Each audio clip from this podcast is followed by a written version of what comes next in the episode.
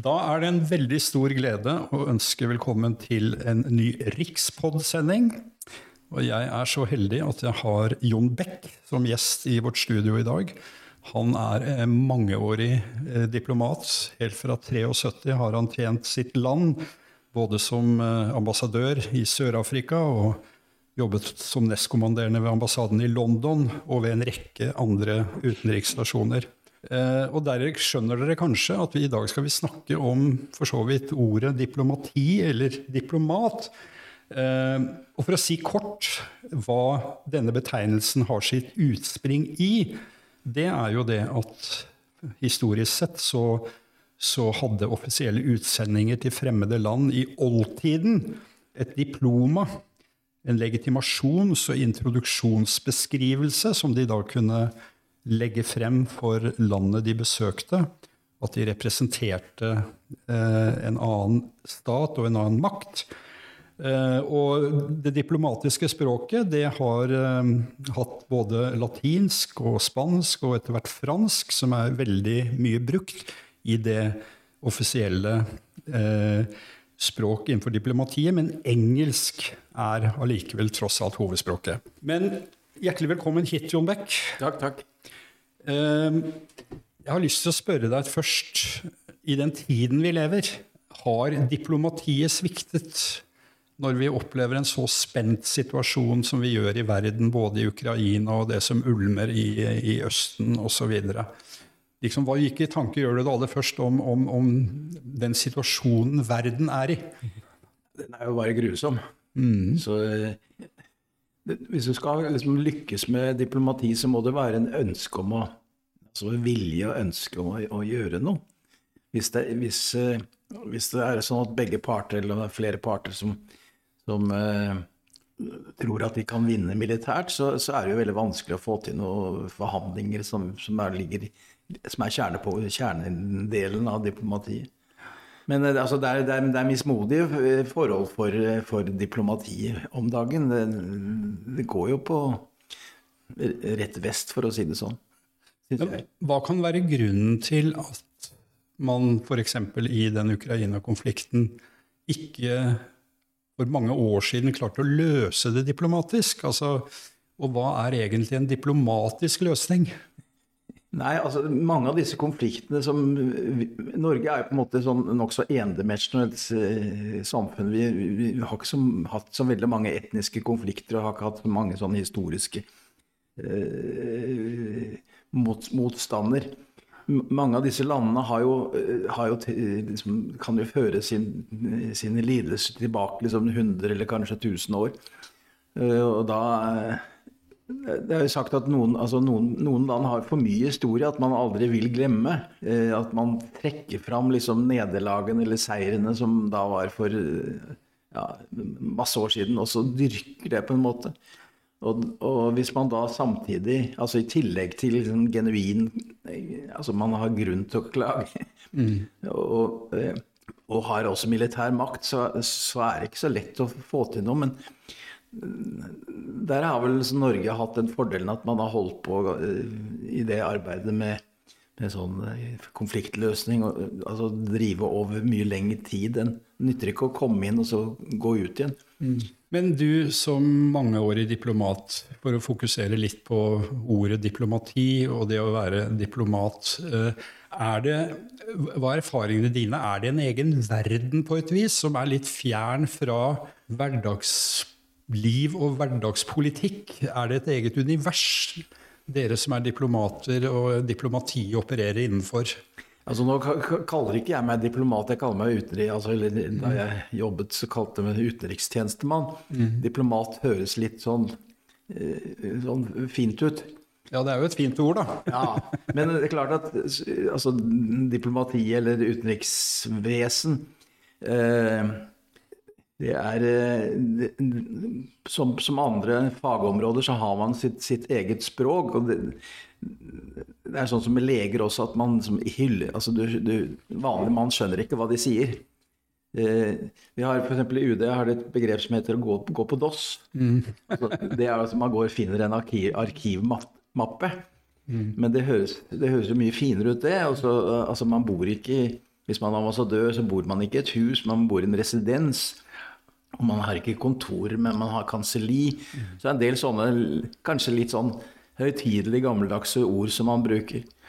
Men eh, altså FN er jo Der driver man jo virkelig med, med, med ord, ordsliping, da, hvor hvert enkelt ord kan bety forskjellige ting. At sier du det, så innebærer det og det.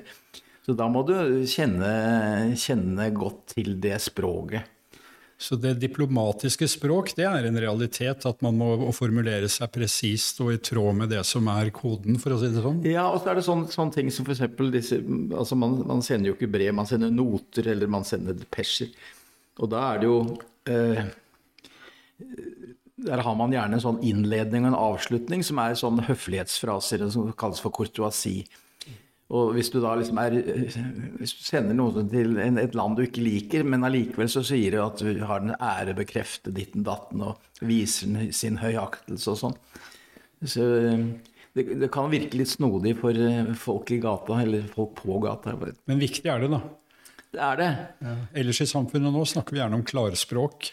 Ja, men altså, du kan si, I diplomatiet har man det man kan snakke om sånn på godt engelsk som heter 'constructive ambiguity'. Mm. At man bevisst eh, altså er uklar i hva man egentlig mener, så kan den enkelte part tolke det som, som han eller hun vil. Det fins sikkert eksempler på at noen har ordlagt seg feil innenfor diplomatiet, for å si det slik. Eh, hvor alvorlig kan det være? Det kan være fryktelig alvorlig. Eh, har du noen historier? Ja, jeg tenkte på det. Vi hadde en minister som var, Vedkommende var ikke så god i, i, engelsk, og så var det en offisiell middag hvor hun skulle takke for gjestfriheten, og, og istedenfor å si altså takke for hospitality, så snakket hun om hostility. Og det ble litt, litt rabalder av det, litt sånn søte ting. Men det er klart at uh, uh, man må, man må, vokte seg vel i, i, når det gjelder presisjon, så man ikke sier gale ting. Og, altså, Midtøsten, f.eks. Sier du Palestina, sier du palestinske områder, sier du det, det palestinske området. Eh, det kan bety så eh, forskjellige ting. Men er det innenfor eh, utenrikstjenesten vår, har dere nærmest ordbøker for hvordan man formulerer seg? Er det en del av den opplæring vårt ambassadepersonell får? At du må ja, du, har, du, har, du har sånne retningslinjer hvordan du skal utforme noter, f.eks. Eh, altså Korrespondanseregler er det det man kaller. Mm. Hvordan du faktisk formidler deg skriftlig. Ja, altså hvordan, ja. hvordan du sender opp et, eh, et, brev. og Det er jo ganske morsomt å se der hvor, hvor, hvor mye tid man bruker nettopp på, på sånne språklige finesser. Men man har jo også dette begrepet diplomatisk løsning. Eh, man har funnet en diplomatisk løsning, hører man gjerne i en nyhetssending eller leser i avisen. Er det da en løsning som er et slags minste felles multiplum? Er det slik å forstå at man har en, en, eh, en løsning av et, et, problem eller en, en sak som da begge parter er sånn tålelig fornøyd med?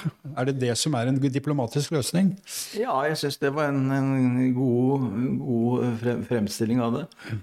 Eh, både altså, diplomat og diplomati er jo litt sånn ulne begreper. Det kan, på en måte kan du si at liksom en diplomat er en som er smidig, som er flink til å bruke ord og sånn. og Samtidig kan det være en litt sånn veik som unngår konflikter, f.eks. Så og, og, altså diplomat man, man bruker jo ordet diplomat både om madrasser og om eh, Norsk Turistforening har sånn diplomatkurs, eller ambassadørkurs, er det kanskje kaller det. Ja, hvordan de, hvordan de, skal oppføre seg? Nei, altså, ja. ja, men, ja altså, altså, Du utnevner jo eh, sånne ambassadører for alle mulige rare ting. Eh, og det er da Så, så, så uttrykket er blitt, blitt, litt sånn løst i, løst i, fisken. Du har ikke noe ja. Jeg har lest en definisjon. En diplomat er en som kan be deg dra til helvete på en måte som gjør at du begynner å glede deg til turen. Den har du kanskje også hørt? Ja, den har jeg hørt. Jeg har, jeg har flere sånne hvis du skal Ja, veldig gjerne det. fordi at det jeg lurer på i tilknytning til en sånn kommentar, det er jo en diplomatisk løsning hvor diplomatene, ambassadører, eh, ambassadefolk har snakket sammen og kommet fram til er det langt fra hvis det er en sånn mildeste felles multiplum, blir det allikevel da langt fra den harde politiske virkelighet i de land og i den saken som man har drøftet? Altså Kan diplomatiet være litt sånn et demokratisk problem? At man, at man opererer i en, et univers hvor realitetene på mange måter behandles, men ikke løses? Jeg vet ikke om du skjønner hva jeg mener, men at, at det er fjernt fra hardcore politikk. At det blir et, et Eh, det står noe på et papir, og man er enig sånn og slik. Jeg vet ikke om det er noe du kan kjenne deg igjen i? Det er vanskelig, vanskelige spørsmål. Nei, så Av og til så er man jo bevisst uklar. Ja, nettopp. Og, men vi nordmenn, eller skandinavere, er jo sånn internasjonalt kjent for å være nokså nok så, eh, brutale i sin fremferd. Altså, du går inn og så sier jeg er enig eller ikke enig. Mens hvis man kommer fra mer snakkesalige folk, så, så bruker man fi, altså, bruker språket bevisst. Britene er jo ekspert på det. De kan jo si de frykteligste ting eller de hyggeligste ting uten at man skjønner det egentlig. Du er på vei til helvete, og du gleder deg til det. Vi, vi har nok noe å lære der, altså. Ja. Men eh, Nei, du spurte om ja, hadde ja. flere. Altså Det er å si 'snill bisk' mens du leter etter en stopp, det er en. Mm. Eller en som kan holde kjeft på mange språk. En, eh, en som bruker hodet uten at noen mistenker han for det. Og så er det denne En som er så tykkhudet at han kan holde seg oppreist uten å ha ryggrad. Det var ja. Men det, det, er litt sånn, det tegner jo et bilde at diplomati er liksom ikke egentlig helt på alvor. Det er en form for, for uh, kunst, altså at man maler bilder som ikke helt kanskje sammenfatter med det. Ja, men altså dette var jo noe man diskuterte i 1905, altså etablering av eget norsk utenrikstjeneste. og da var det at diplomatiet hadde en, et, et, dårlig ord på seg. Det var naraktighet, og det var lorgnetter, og det var uh, Snobberier, ja. ja, altså, ja. Sånn. Og, uh, Sigurd Hoel har en sånn beskrivelse av eh, i 'Syndere sommerskjul', som er fantastisk morsom, med en sånn som snakker nasalt, litt fransk og sånn. sånn. Så du har sånne stereotyper på og Det er kanskje derfor også man ikke er så glad på å bli kalt for diplomat. at altså Utenrikstjenestemann høres litt mer traust og solid ut.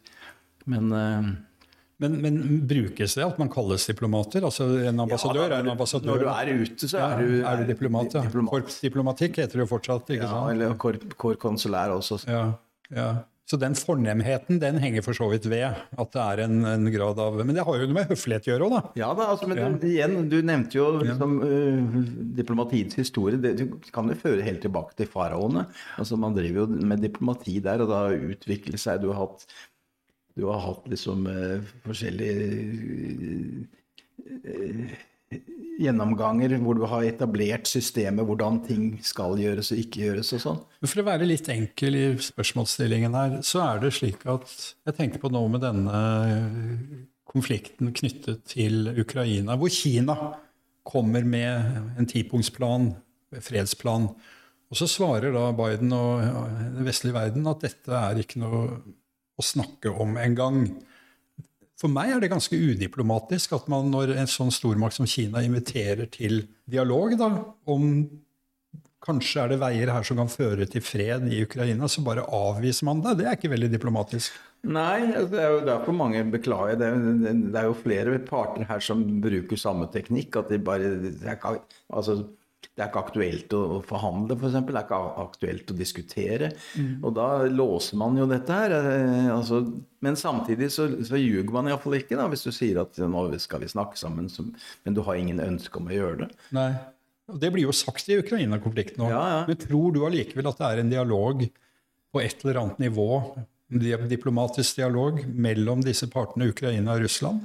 En, eh, som selvfølgelig ikke da er oppe i dagslyset, men at det er en form for kontakt? Diplomatisk kontakt? Jeg tror det ikke. Altså, nå er ikke jeg noe ekspert på dette, her, men iallfall det lille jeg har, lest og det lille jeg har hørt, så virker det som det er veldig fastlåst. Altså. For det var jo noen forhandlinger i begynnelsen av krigen? hvor de, som de Ja, da, da kom det jo antydning at nå skulle Og de satte seg jo ned og forhandlet, men uh, Nei, det, altså, men, men, det er klart at det, det ser jo f.eks. i Midtøsten at man sier at man ikke, ikke ha noe med noen å gjøre, så har man det likevel. Altså, det, det foregår på flere nivåer, på flere kanaler. Mm. Eh, så mener jeg Oslo-kanalen fant jo sted samtidig som den hadde den multilaterale dis diskusjonen i Madrid. Eh, Så den type dialog som skjer litt utenfor den offisielle, åpne eh, vinduet som, som mediene dekker osv., så, videre, så er det ofte at man snakker sammen. Og det er en viktig oppgave for diplomatiet. Det er det jeg egentlig vil fram til. Ja, altså, der, der har jo Norge liksom utviklet en slags sånn fagkompetanse, egentlig. Det er å, og, ikke minst å finne nye grupper som man kan forsøke å samarbeide med. Altså I Guatemala man drev forhandle, eller drev og lærte opp generalene, eller altså offiserene. Eh, så det har vært veldig mye sånn kreativ tenkning omkring dette her. altså. Men nå er det eh, Det står også i en, eh, en, en, si, en ordbok Ordet brukes også om diplomatisk fremgangsmåte. Av og til med en bibetydning av noe taktfullt og formpreget. Det har vi jo da vært inne på. Men at diplomati er evnen til å løse en sak uten opptrapping av en konflikt, og som du er inne på, med størst mulig grad av gjensidig forståelse og respekt mellom partene. Men er da Hvor viktig er nei, diplomatiet i, i, alle bilaterale relasjoner og, og multilaterale forhold? Altså hvor viktig, hvilken, hvor viktig rolle spiller diplomatiet for drift av verden? For det verdenssamfunnet? Ja, dette er jo virkelig grunnleggende spørsmål, altså. Nei, jeg er jo fortsatt eh, Man kan jo miste, miste motet, sånn som i dagens situasjon, men man, man, får jo bare forsøke så godt man kan og prøve igjen og igjen og igjen, og så håpe at det til slutt skal gå. Men du har, altså, du har jo for eksempel, du har jo forskjellige former for diplomati. Altså, du har jo kanonbåtdiplomati, du har stillediplomati. Mm. Eh, du har liksom koronadiplomati, var vel noen som man brukte megafondiplomati. Så det, altså, man bruker jo forskjellige metoder for å få det man ønsker. Men det er jo den forskjellen mellom diplomatisk kontakt, altså kontakt på ambassadenivå, og så da når politiske ledere møtes. Det er liksom to forskjellige nivåer. Men er det riktig å si at diplomatene eller ambassadørene eller da tjenestemennene ute bereder grunnen for f.eks. samtaler mellom presidenter eller statsministre når de møtes. At man, at man, har en viktig rolle å spille i å legge til rette for en god Ja, ja. ja nettopp. Og, Nei, altså, før sånne, si, sånne, toppmøter så har det jo vært masse runder på lavere nivå. Man arbeider seg gjennom dagsorden. Man eh, forsøker å finne hvem som skal være med og sånn. Så ikke, vanligvis så er det ikke sånn at de liksom kommer dalende ned og setter seg ned. Da har det vært masse diskusjoner og, og, og frem og tilbake. Men har en diplomat eh, sjølråderett i forhold til å tolke en situasjon som skal drøftes, eller er, jobber man veldig på oppdrag? Altså I forhold til dette med en, en konflikt da man er i en dialog med et annet land, andre lands diplomater. Eh, kan man selv foreslå ting, antyde? Kan man operere? Har man en grad av frihet innenfor disse drøftingene man stadig deltar i? Eller er man veldig påholdende i forhold til ikke å forplikte nasjonen som man representerer? Eh, altså du, operer, du, har jo sånn gitte, gitte rammer for hva du kan, kan mene. og du, Ofte så opererer jo med liksom instruks hjemmefra hva du hvordan du skal forholde deg til ting. Men det er klart at det er jo noe av det morsomme med å være, jobbe i utenrikstjenesten. At du, du, har mulighet til å påvirke situasjonen. Ja. Eh, og gi bidrag også ut fra ja. din erfaring og kompetanse. Ja, det er jo liksom det som er meningen. At man, man sitter jo og utvikler en fagkompetanse. Altså hvis man Eh, altså, jeg tjenestegjorde som ambassadør i Sør-Afrika. klart jeg, jeg, hadde vært der før, jeg kjente, kjente, folk, jeg kunne landet. Så hvis det kom opp et spørsmål, så følte jeg jo at det var min, eller altså ambassadens fagkompetanse som kom til, til nytte. Eh, hvis ikke så er det jo ikke noe vits i å ha, ha, ha noen representasjon. Nei.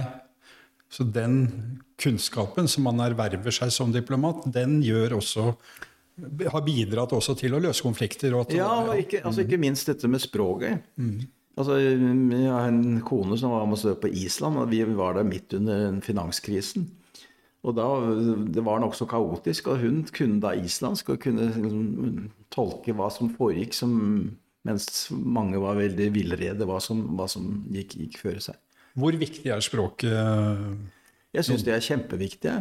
Og altså, Skal du skrive en melding, så kan jo ett ord eh, bety noe helt annet enn enn den kanskje mottakeren eh, leser ut av det. Så det jobbes med språk i innen Det jobbes mye mer. Ja, Men det bør altså, jobbes mer. Utenriksdepartementet har jo en veldig, eh, veldig bra sånn språkopplæring. Og når du har, tar dette aspirantkurset, så er jo, må du jo lære Hvis du ikke kan fransk fra før av, så må du lære det der. Mm. Og Britene er jo veldig proffe. da, De sender jo liksom folk på språk, språkkurs i opptil et år. Er det en uh, eliteserie altså Storbritannia har jo vært uh, si en stormakt, skjønner meg riktig. Men, men er, det, er det noen divisjoner i diplomatiet? At noen land eh, er bedre enn andre? Eller altså når fram i større grad ved at de har et diplomatisk et språkbruk som er, er bedre enn andre igjen? Altså at de har gode folk som representerer seg? Ja, det er klart at det er det- noen land er jo store og sterke og mektige. Altså USA, Kina, eh, Russland. Du, tuller ikke med de gutta der. Men det er klart at nettopp ved, ved å bruke språket, så kan du komme mye lenger. Eh, så det, jeg syns det er helt, helt essensielt det å ha Og igjen da, altså bri- britenes evne til å bruke språket. De, det er jo snakk om å, om å til, spille i høyere divisjoner, men han ellers ville vært det. Men kan det da være diplomater som opererer på flere arenaer, som altså brukes inn kanskje fordi hun eller han har helt spesielle eh, språklige og ellers andre ferdigheter som gjør at de blir trukket inn i hva si, konflikter eller dialoger som de kanskje ellers ikke deres land eller eh, ellers ikke vil Fins det profesjonelle diplomater? Ja, ja, absolutt. ikke sant? altså, det, finnes, det, det, er jo, det er jo ikke bare språket, da. Det er jo også altså, sosiale evner, det er eh, kunnskap, historie, litteratur, eh, altså sånne ting. At du har mange ting å spille på. Så, det er jo noen liksom, De stjernediplomatene er jo gjerne folk som, som er det, gamle tommefingerregelen når det gjaldt russere, var jo at liksom, hvis det var noen som var hyggelig og snakket godt engelsk, eh, og stilte intelligente spørsmål, så kunne jeg være sikker på at det, det var fra KGB. Hvordan er smalltalken blant diplomater? Jeg går ut fra at du må kunne omgås mennesker. Ikke, det er jo bare... Du bør iallfall kunne Ja, det er? Du blir jo, kommer jo ikke dit hvis ikke du kan det. Men hva, hva, hvordan, hvordan er smalltalken, hvor man er i de mer hyggelige, joviale sammenhengene og ikke sitter ved et forhandlingsbord eller ved møte?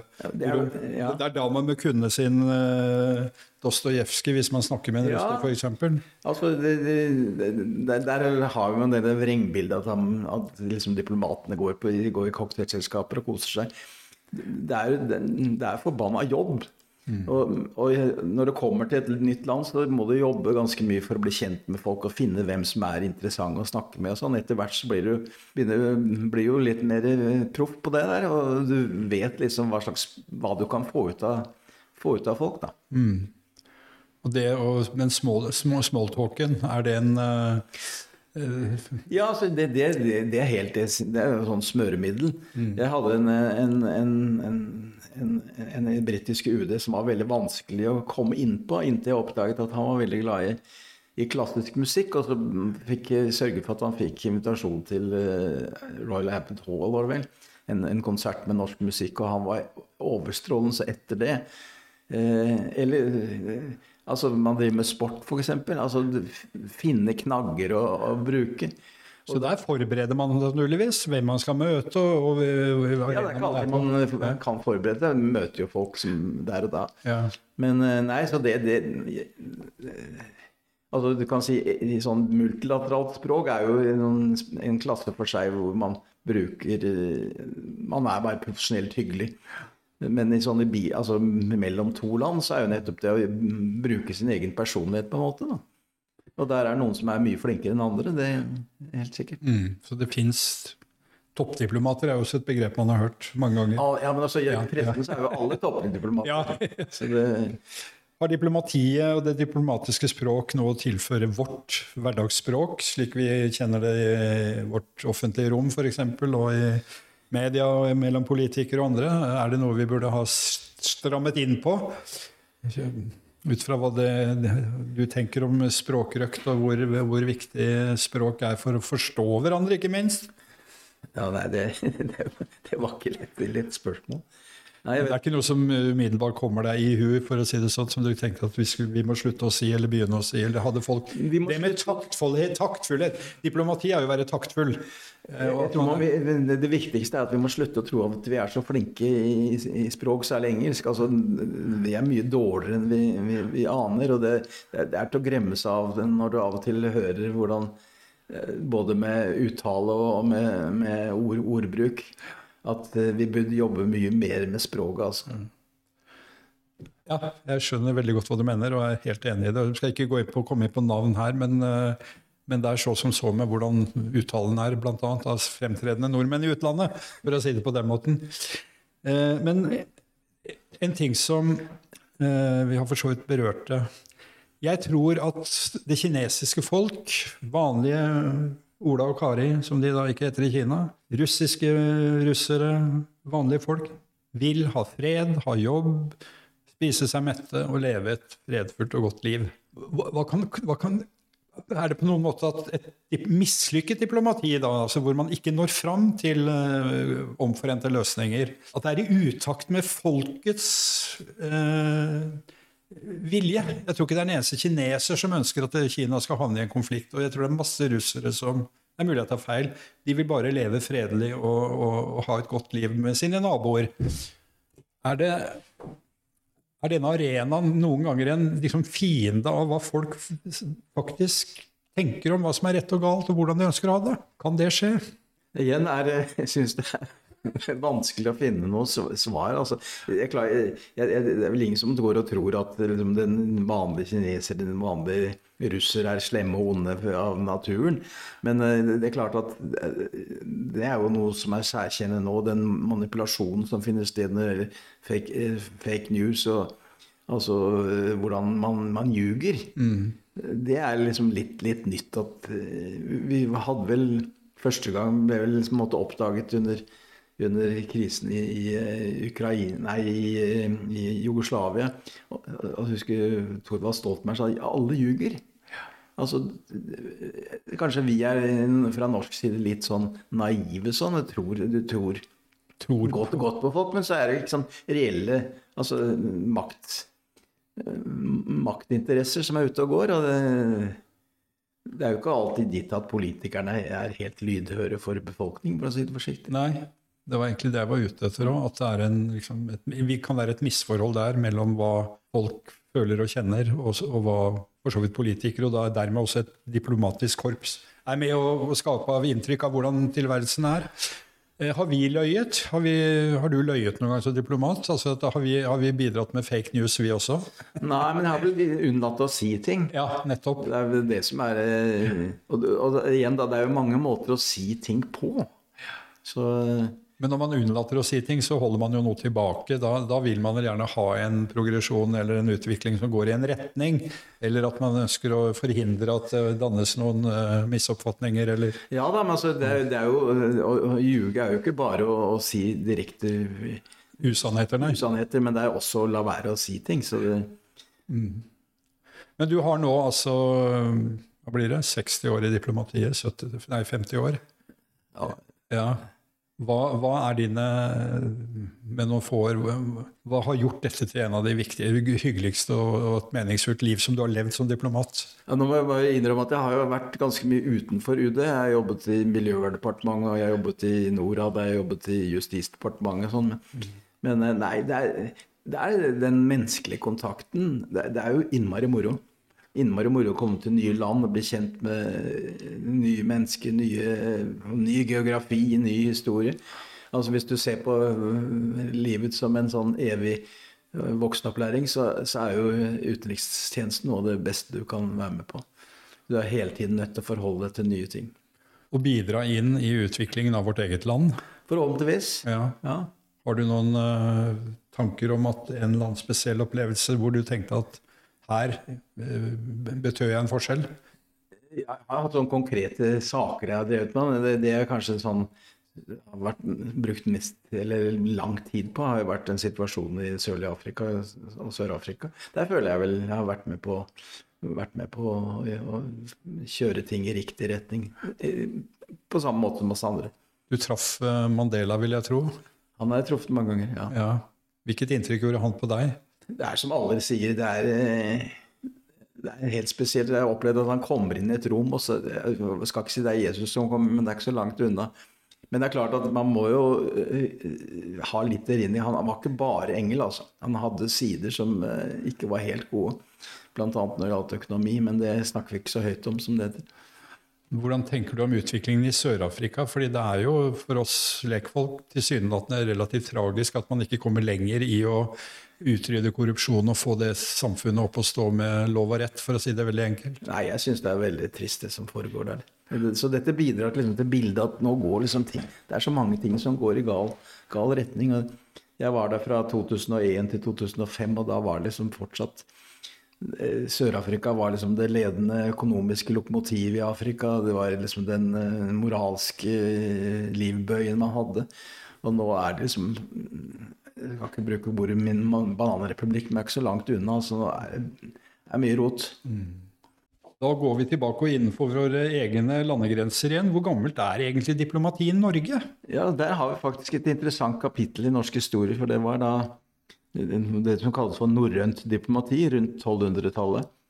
Eh, hvor vi hadde noen fremragende sendemenn som, som altså var kongens nærmeste rådgivere, som reiste rundt. Og det, først og fremst var det å finne en egnet uh, prins eller prinsesse til, til, en norsk prins eller prinsesse.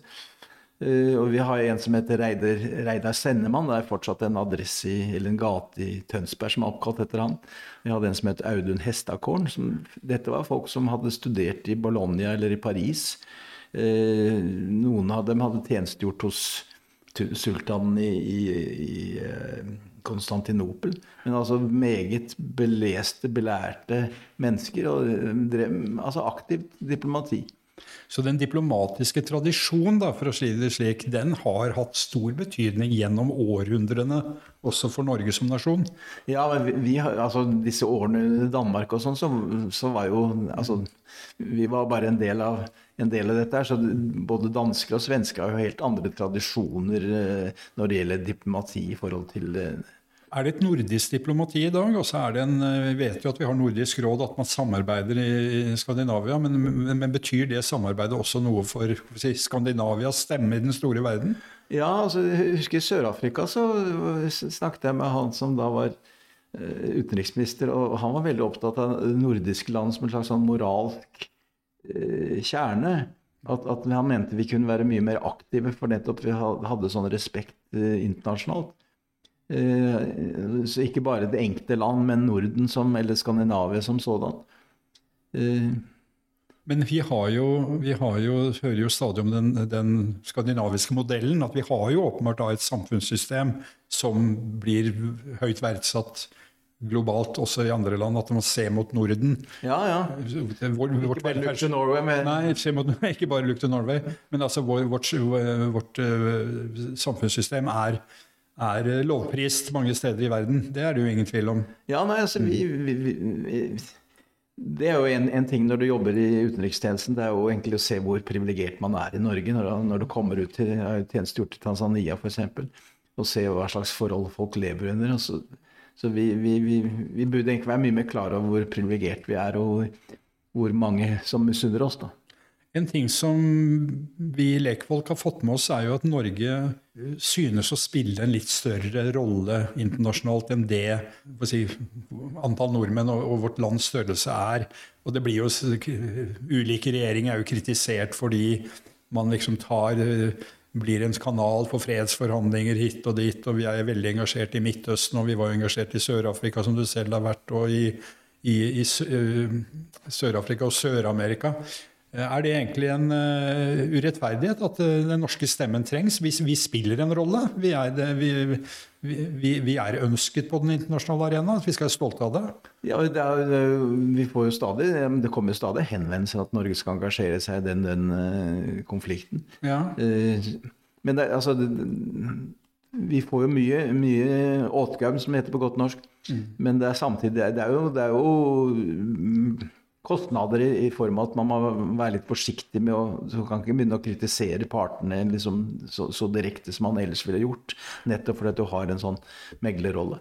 Men altså, det der nordiske landet er eh, Vi spiller nok Altså, vi er ganske store på mange måter, hvis du tar en sånn statistisk. Så vi, vi, vi spiller nok over, altså, i bokseverdenen altså, over vår klasse, normale vektklasse. Men da har jeg lyst til å si at dette må jo skyldes folk som deg, bl.a., og alle de dyktige diplomatene og tjenestekvinner og menn vi har hatt ute ved utestasjonene våre i mange år. For det kommer jo ikke av seg selv. Dere må jo ha gjort en veldig god jobb. ja, Nå skal ikke jeg snakke om meg selv, men eh, vi har mange flinke folk i utenrikstjenesten. Språkmektige, kunnskapsrike, eh, begavete, veltalende, sosiale. Altså på mange måter gode, gode, gode folk. Og så har vi av og til de brudne karene, som man hører jo om at eh, så har da Russland utvist 14 diplomater fra britiske, da, eller osv. Spioneriet, agentvirksomheten, er det en, en viktig, stor del av uh, tjenestefolk ved utenriksstasjoner? De stormaktene er egentlig ikke noe å snakke om, men, men, men, men er, det, er, dette med å tale med to tunger noe som uh, flere nasjoner og, og diplomater da er, uh, gjør? ja. ja, ja, ja. Nei, det er, det er en del av, en del av gamet, det. Ja. Etterretning, rett og slett det er jo altså, det er mye av det samme, Man driver med mye av det samme, altså både diplomati og etterretning. Det er jo det er kunnskapsinnhenting og analyser av hva som foregår. Og, så det er jo litt sånn eh, vandring frem og tilbake mellom, mellom de forskjellige tjenestene, for å si det. Ja. Nei, men Da sier jeg hjertelig tusen takk Jon Beck, for at du var villig til å komme og snakke litt om diplomatiet. Det ble en samtale preget av mange forskjellige innfallsvinkler, og vi har vært innom mye. Eh, og det er vel noe av det en diplomats hverdag er, at man må kunne forholde seg til mange ting på en gang. Jeg har fått de vanskelige spørsmål. Ja. Tusen takk skal du ha. Takk selv. Rikspodden kommer på luften med sjenerøs støtte fra Tor. Dahls kulturbibliotek, Bergesen-stiftelsen og Fritt Ord.